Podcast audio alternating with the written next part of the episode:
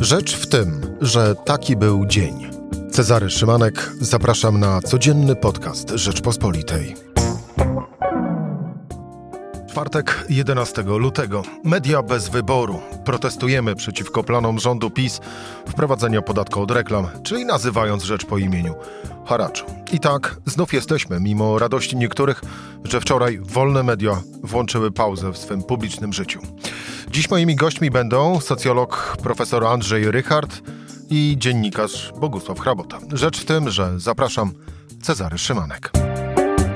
Słuchaj na stronie podcasty.rp.pl. Włącz Rzecz w tym w serwisie streamingowym. A moim gościem zapowiadany profesor Andrzej Rychard, dyrektor Instytutu Filozofii i Socjologii Polskiej Akademii Nauk. Dzień dobry, panie profesorze. Dzień dobry, witam. Panie profesorze, najpierw e, ustalmy nasze wzajemne pozycje. Ja wczoraj protestowałem, a pan, jak rozumiem, bo znamy się już lat wiele, nie był w gronie tych, którzy cieszyli się, że wolnych mediów wczoraj nie było. Wie pan, to jest ciekawe. No ja, by, krótko mówiąc, konsumowałem wasz protest w ten oto sposób, że widziałem wszystko na czarno. E, I e, ewolucja reakcji, także u mnie psychologiczna i w moim najbliższym otoczeniu jest bardzo zastanawiająca. Pierwsze, e, pierwsze reakcje jest takie, o rany, co oni zrobili? No nic nie będzie, jak to nawet tenisa nie obejrzę w Eurosporcie. E, taka początkowa, powiedziałbym, niechęć do protestujących. Błyskawicznie ustępuje, bo człowiek sobie zaczyna zdawać dopiero sprawę, jak ważne są media, widzi te czarne plansze, słyszy ten komunikat e, w stacjach radiowych wyłącznie, bądź właśnie w rozmaitego rodzaju portalach i sobie zaczyna dopiero zdawać sprawę z tego, co by było, gdyby rzeczywiście do tego doszło. I kolejną reakcją jest pewnego rodzaju, powiedziałbym, podziw, przynajmniej u mnie, jak się udało tak logistycznie i sprawnie, szybko w środowisku, które, no jednak, co tu dużo mówić, jest najdelikatniej mówiąc, także spluralizowane i z odmiennymi często wobec siebie interesami, zrobić tak wspólną, zintegrowaną e, akcję. Także no, to mocne uderzenie i myślę, że odczute.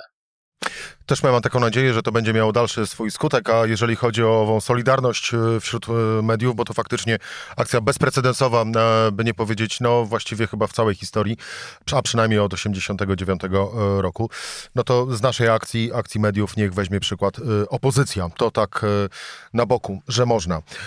Wracając natomiast do wczorajszego dnia i do tych pańskich emocji, panie profesorze. To jak już przyszło najpierw to zdziwienie, później y, zrozumienie, a na końcu podziw, to zostawmy ten podziw, za który oczywiście y, dziękuję, ale walczymy w słusznej sprawie. Ale jak przyszło to zrozumienie, to co pan zrozumiał, panie profesorze? Zrozumiałem, że to nie jest kompletnie taka powiedziałbym, perspektywa gdzieś tam za siedmiu gór i rzek, że to jest perspektywa, która może nastąpić, może nie aż do poziomu czarnych plansz i jedno, jednolitych, jednostajnych komunikatów w mediach audio, no ale, że krótko mówiąc, to jest rzeczywistość, która, że zacytuję Jeremiego Przyborę, coraz bardziej nas otacza, prawda? Że musimy sobie borykać się z coraz bardziej otaczającą nas rzeczywistością. E, i że to się może stać, krótko mówiąc, e, pokazał ten protest, że pewne zagrożenia są zagrożeniami realnymi i że mogą nas dotknąć. Wie pan, to jest jeden z tych e, przypadków, kiedy my widzimy, jak wielka polityka zaczyna bardzo dotykać normalnych, zwykłych ludzi. Kiedy wyszły kobiety protestować przeciwko zaostrzeniu prawa, aborcy, anty, prawa aborcyjnego, no to też to był wynik tego, że zobaczyły, jak ta wielka polityka bezpośrednio zaczyna ich osobiście, ich ciał i ich duszy też dotyczyć. I to dokładnie był, był taki sam, powiedziałbym, mechanizm tutaj. Zobaczyliśmy, jak e, pewne regulacje e, dotyczące, no prawda, no niby kwestii podatkowych mogą wpłynąć na dostępność do e, wolnego słowa i wolnego obrazu bo to, nazwijmy też rzecz po imieniu, może doprowadzić y, do tego, że wielu w sposób odgórny zostaną zamknięte, zamknięte usta. Ja nie bez powodu zapytałem pana na samym początku o ową pozycję, bo wczoraj w tej przestrzeni publicznej było jednak, e, na całe szczęście, e, nie w większości, e, ale były osoby, które cieszyły się z owego stanu rzeczy, cieszyły się z tego, że jest tylko i wyłącznie medium rządowe. Już zostawiając telewizję rządową, narodową na boku i to, co tam tejsi pracownicy wyczyniali, ale wielu polityków i komentatorów, obserwatorów, ekspertów z tak zwanej prawej strony, no cieszyło się z takiego stanu rzeczy, co mi osobiście przypomniało taką wielką, ale to wielką tęsknotę za jedynymi słusznymi czasami PRL-u.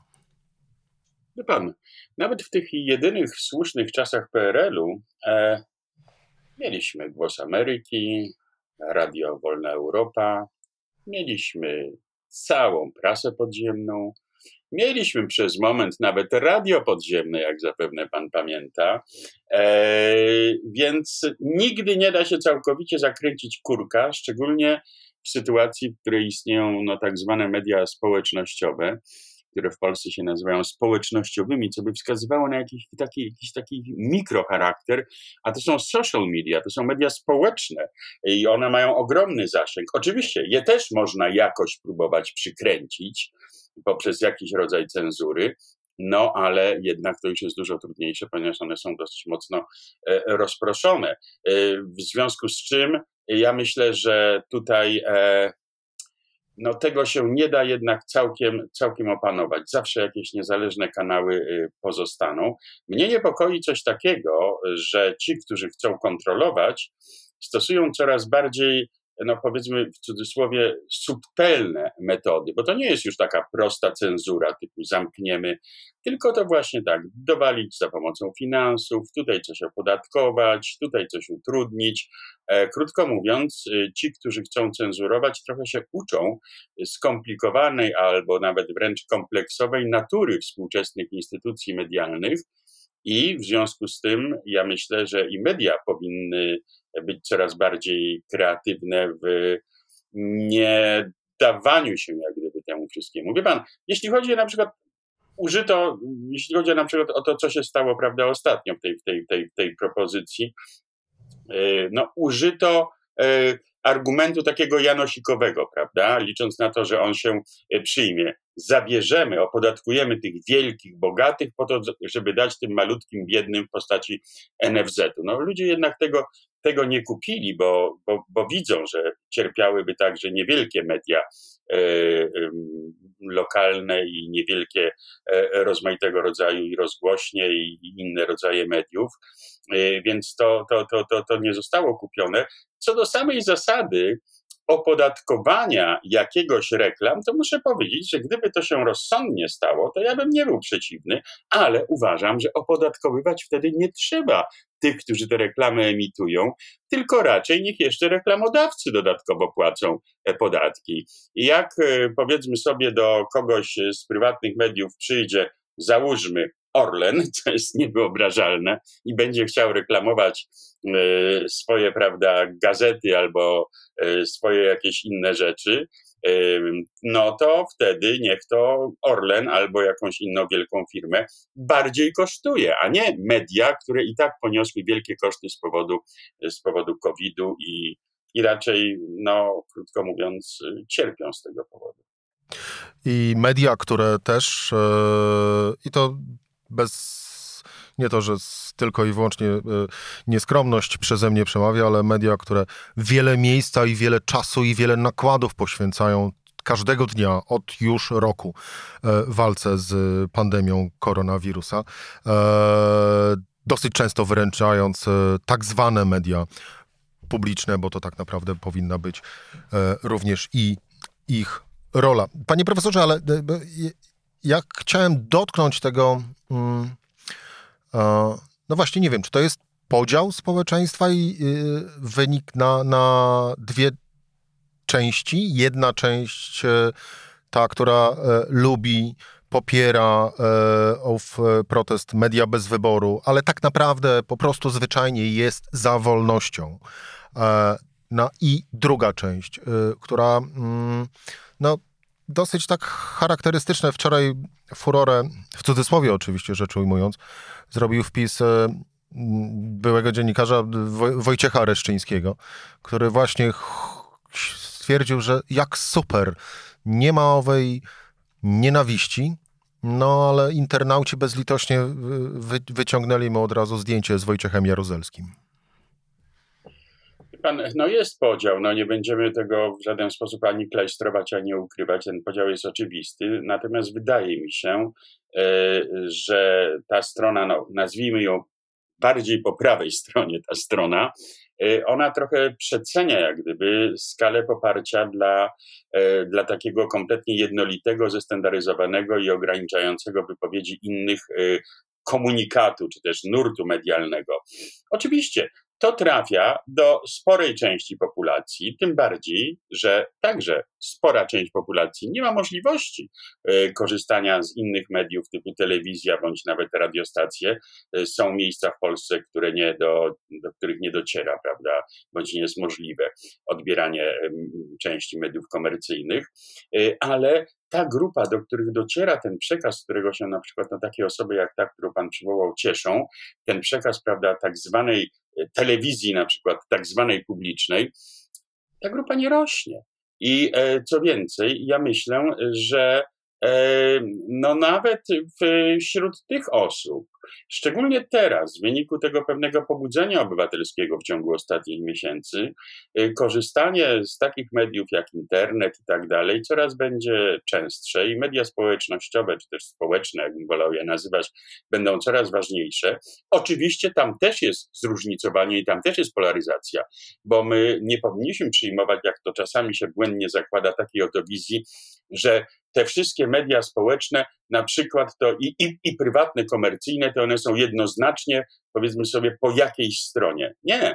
Jeżeli tak już mówimy, że są strony, to ta strona bliższa stronie rządowej też ma liczne kanały mediów społecznych czy też społecznościowych, też ma rozmaite inne możliwości, też ma swoje organizacje pozarządowe, w związku z czym Y, oni są, powiedziałbym, dosyć dobrze zorganizowani, ale też pamiętajmy, że do ludzi na takim najniższym lokalnym poziomie, wraz z coraz większym dostępem do internetu, dociera przekaz bardziej zróżnicowany, tym też przekaz, który jest daleki od przekazu e, prorządowego, bardziej obiektywny, bądź czasami powiedzmy sobie wprost opozycyjny i tam już ludzie mają, e, mają wybór.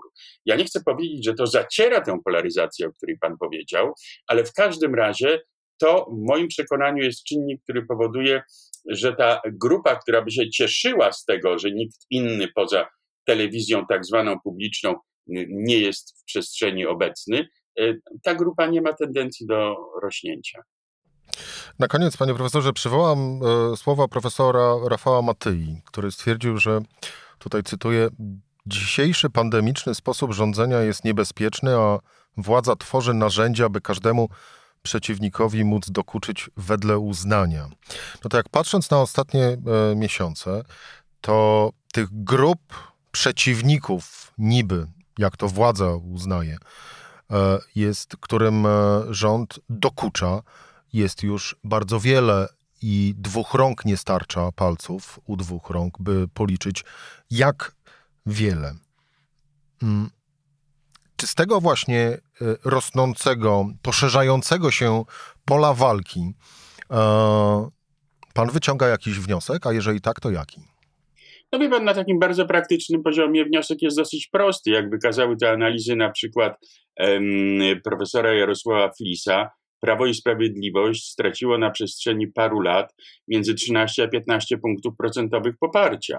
E, I ja przypuszczam, że u podłoża tej decyzji, której e, reakcję, na którą widzieliśmy wczoraj w postaci no, pewnego rodzaju strajku mediów komercyjnych, e, leży chęć wyczyszczenia sobie przez rządzących pola przed ewentualnymi wyborami, czy to w normalnym terminie, czy to we wcześniejszym terminie, ponieważ oni sobie zdają sprawę z tego, że ten, kto nie kontroluje mediów, ma jednak mniejszy wpływ. I teraz dlatego ta akcja protestu była tak niezmiernie ważna. Ja przypuszczam, że jej skutkiem może być to, że ludzie przynajmniej w części ci, którzy nie do końca oglądali, słuchali tych mediów, które wczoraj strajkowały, no, zainteresują się tym, że są takie media, które jednak zupełnie co innego próbują przekazać.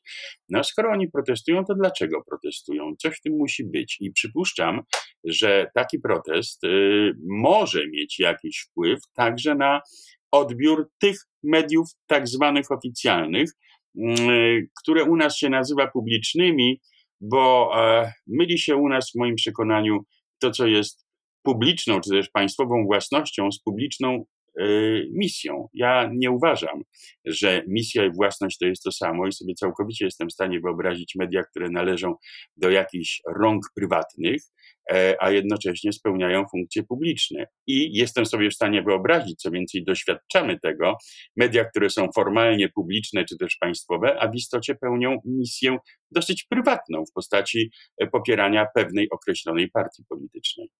No, ja bym to nawet podsumował, że w wielu wypadkach, a głównie y, dotyczy to y, rządzących, słowo publiczne myli im się ze słowem partyjne. Nie, to, to, jest, to jest prawda.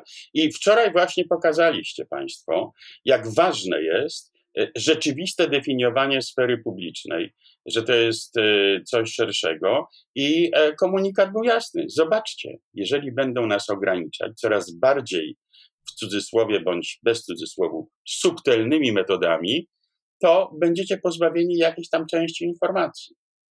Tego ludzie dziękuję. Bo właśnie, tego ludzie nie lubią. Bardzo dziękuję panie profesorze. Profesor Andrzej Rychard, dyrektor Instytutu Filozofii i Socjologii Polskiej Akademii Nauk. Raz jeszcze dziękuję. Dziękuję bardzo. A już za chwilę e, Bogusław Hrabota, prezes Izby Wydawców e, Prasy, e, Rzeczpospolita oczywiście i podsumujemy wczorajszy dzień. Dzień Media bez wyboru. Rzecz w tym, że to jest podcast Rzeczpospolitej.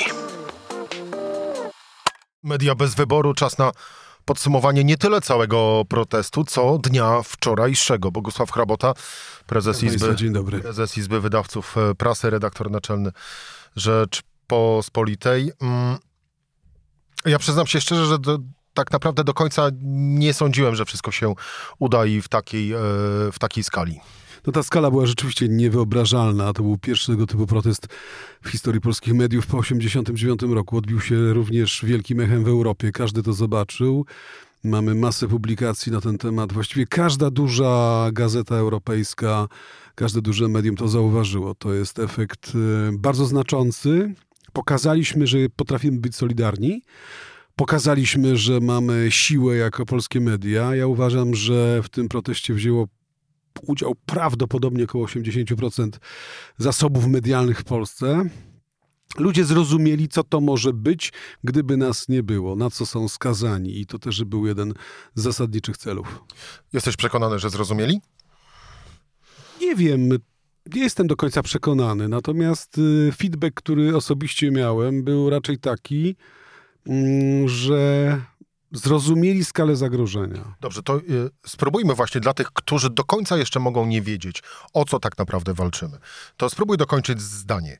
Gdyby wprowadzono podatek od reklam w obecnej formie, to to zniknąłby ten, to spektrum wolnych mediów, które mamy dzisiaj, które jest dziedzictwem Polski po 1989 roku i różni nas zasadniczo od sytuacji na Węgrzech, w Bułgarii, w Czechach czy, czy w Rumunii.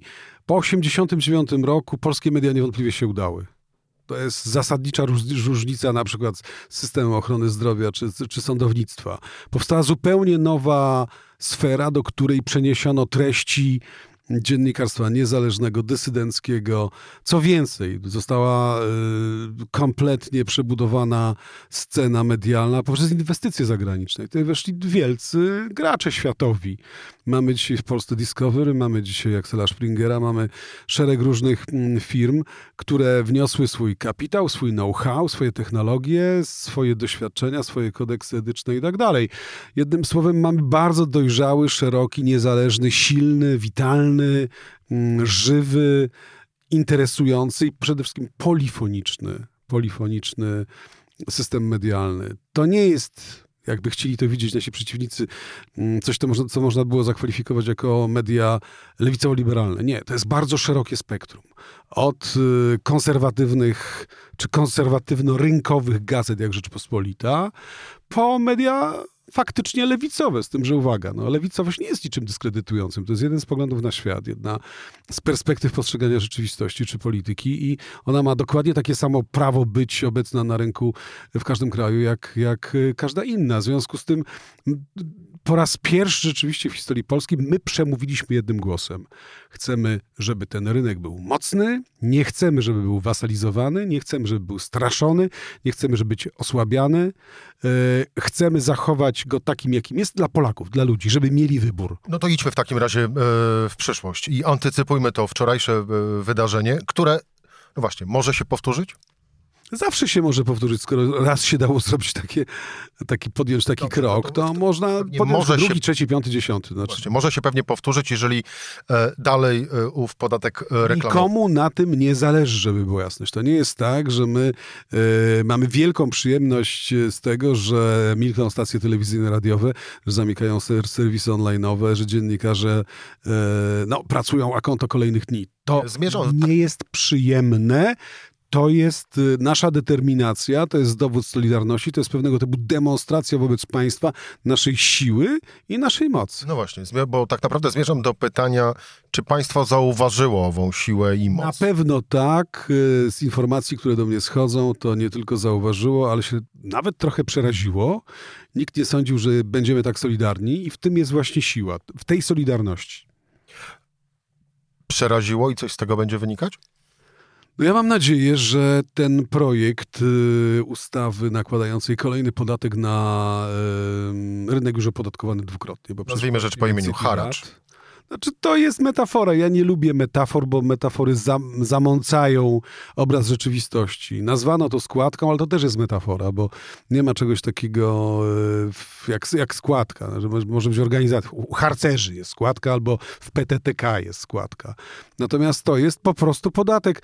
Kanoniczne cechy podatku są tu zastosowane i mówmy sobie wprost, to jest podatek. A, w, a tak, a w Polsce tak. Po pierwsze, podatki się konsultuje. Po wtóre, wprowadza od 1 stycznia kolejnego roku, roku podatkowego. Y, po trzecie, nie podatkuje się tym podobnymi podatkami tych samych y, obszarów, a my mamy już ten, to, tą reklamę opodatkowaną.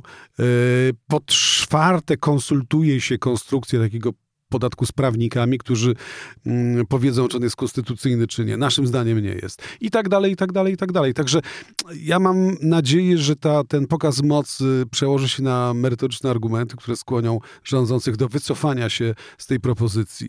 Żeby była jasność, powtarzam to zawsze i wszędzie. Nie mam nic przeciwko temu, żeby w Polsce płaciły podatki wielkie organizacje medialne, Mówię o mega platformach, które nie mają w Polsce rezydencji podatkowej i tych podatków unikają. Google, Facebook to są organizacje, czy YouTube, mm, firmy, które drenują polski rynek z reklamy. Są tu obecne, zarabiają bardzo dużo, ale nie płacą tutaj podatków. Niech płacą na równi z nami. I tutaj y, stawiamy kropkę, ale jeszcze jeden komentarz. Y, komentarz do owych 20%, którzy nie protestowali y, wczoraj. Co byś powiedział e, pracownikom telewizji zwanej publiczną? Po pierwsze, nie, nie nazywam tej telewizji publiczną. Dlatego bo nawet powiedziałem tak zwanej. A nawet partyjna mm, która oczywiście ma prawo do swojego stanowiska. No, w przeciwieństwie do, mm, do moich przeciwników, my nie domagamy się od wszystkich mówienia jednym głosem. Do naszego protestu mógł się dołączyć każdy, ale nie było wcale wymogu takiego, żeby dołączyli się wszyscy. W związku z tym to, co mi się nie podoba w przekazie TVP oraz po, podobnych mediów, to, to po prostu kłamliwość tego przekazu.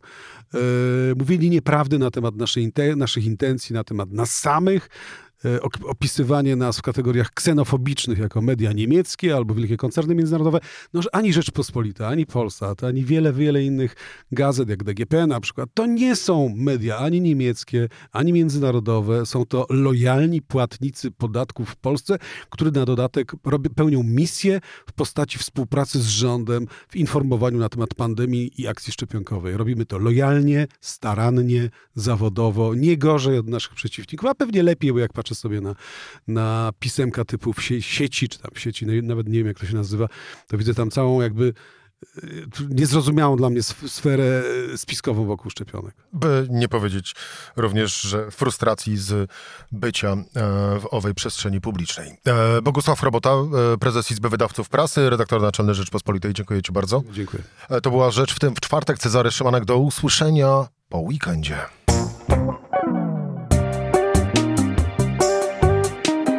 Rzecz w tym to codzienny program Rzeczpospolitej. Od poniedziałku do czwartku o godzinie 17.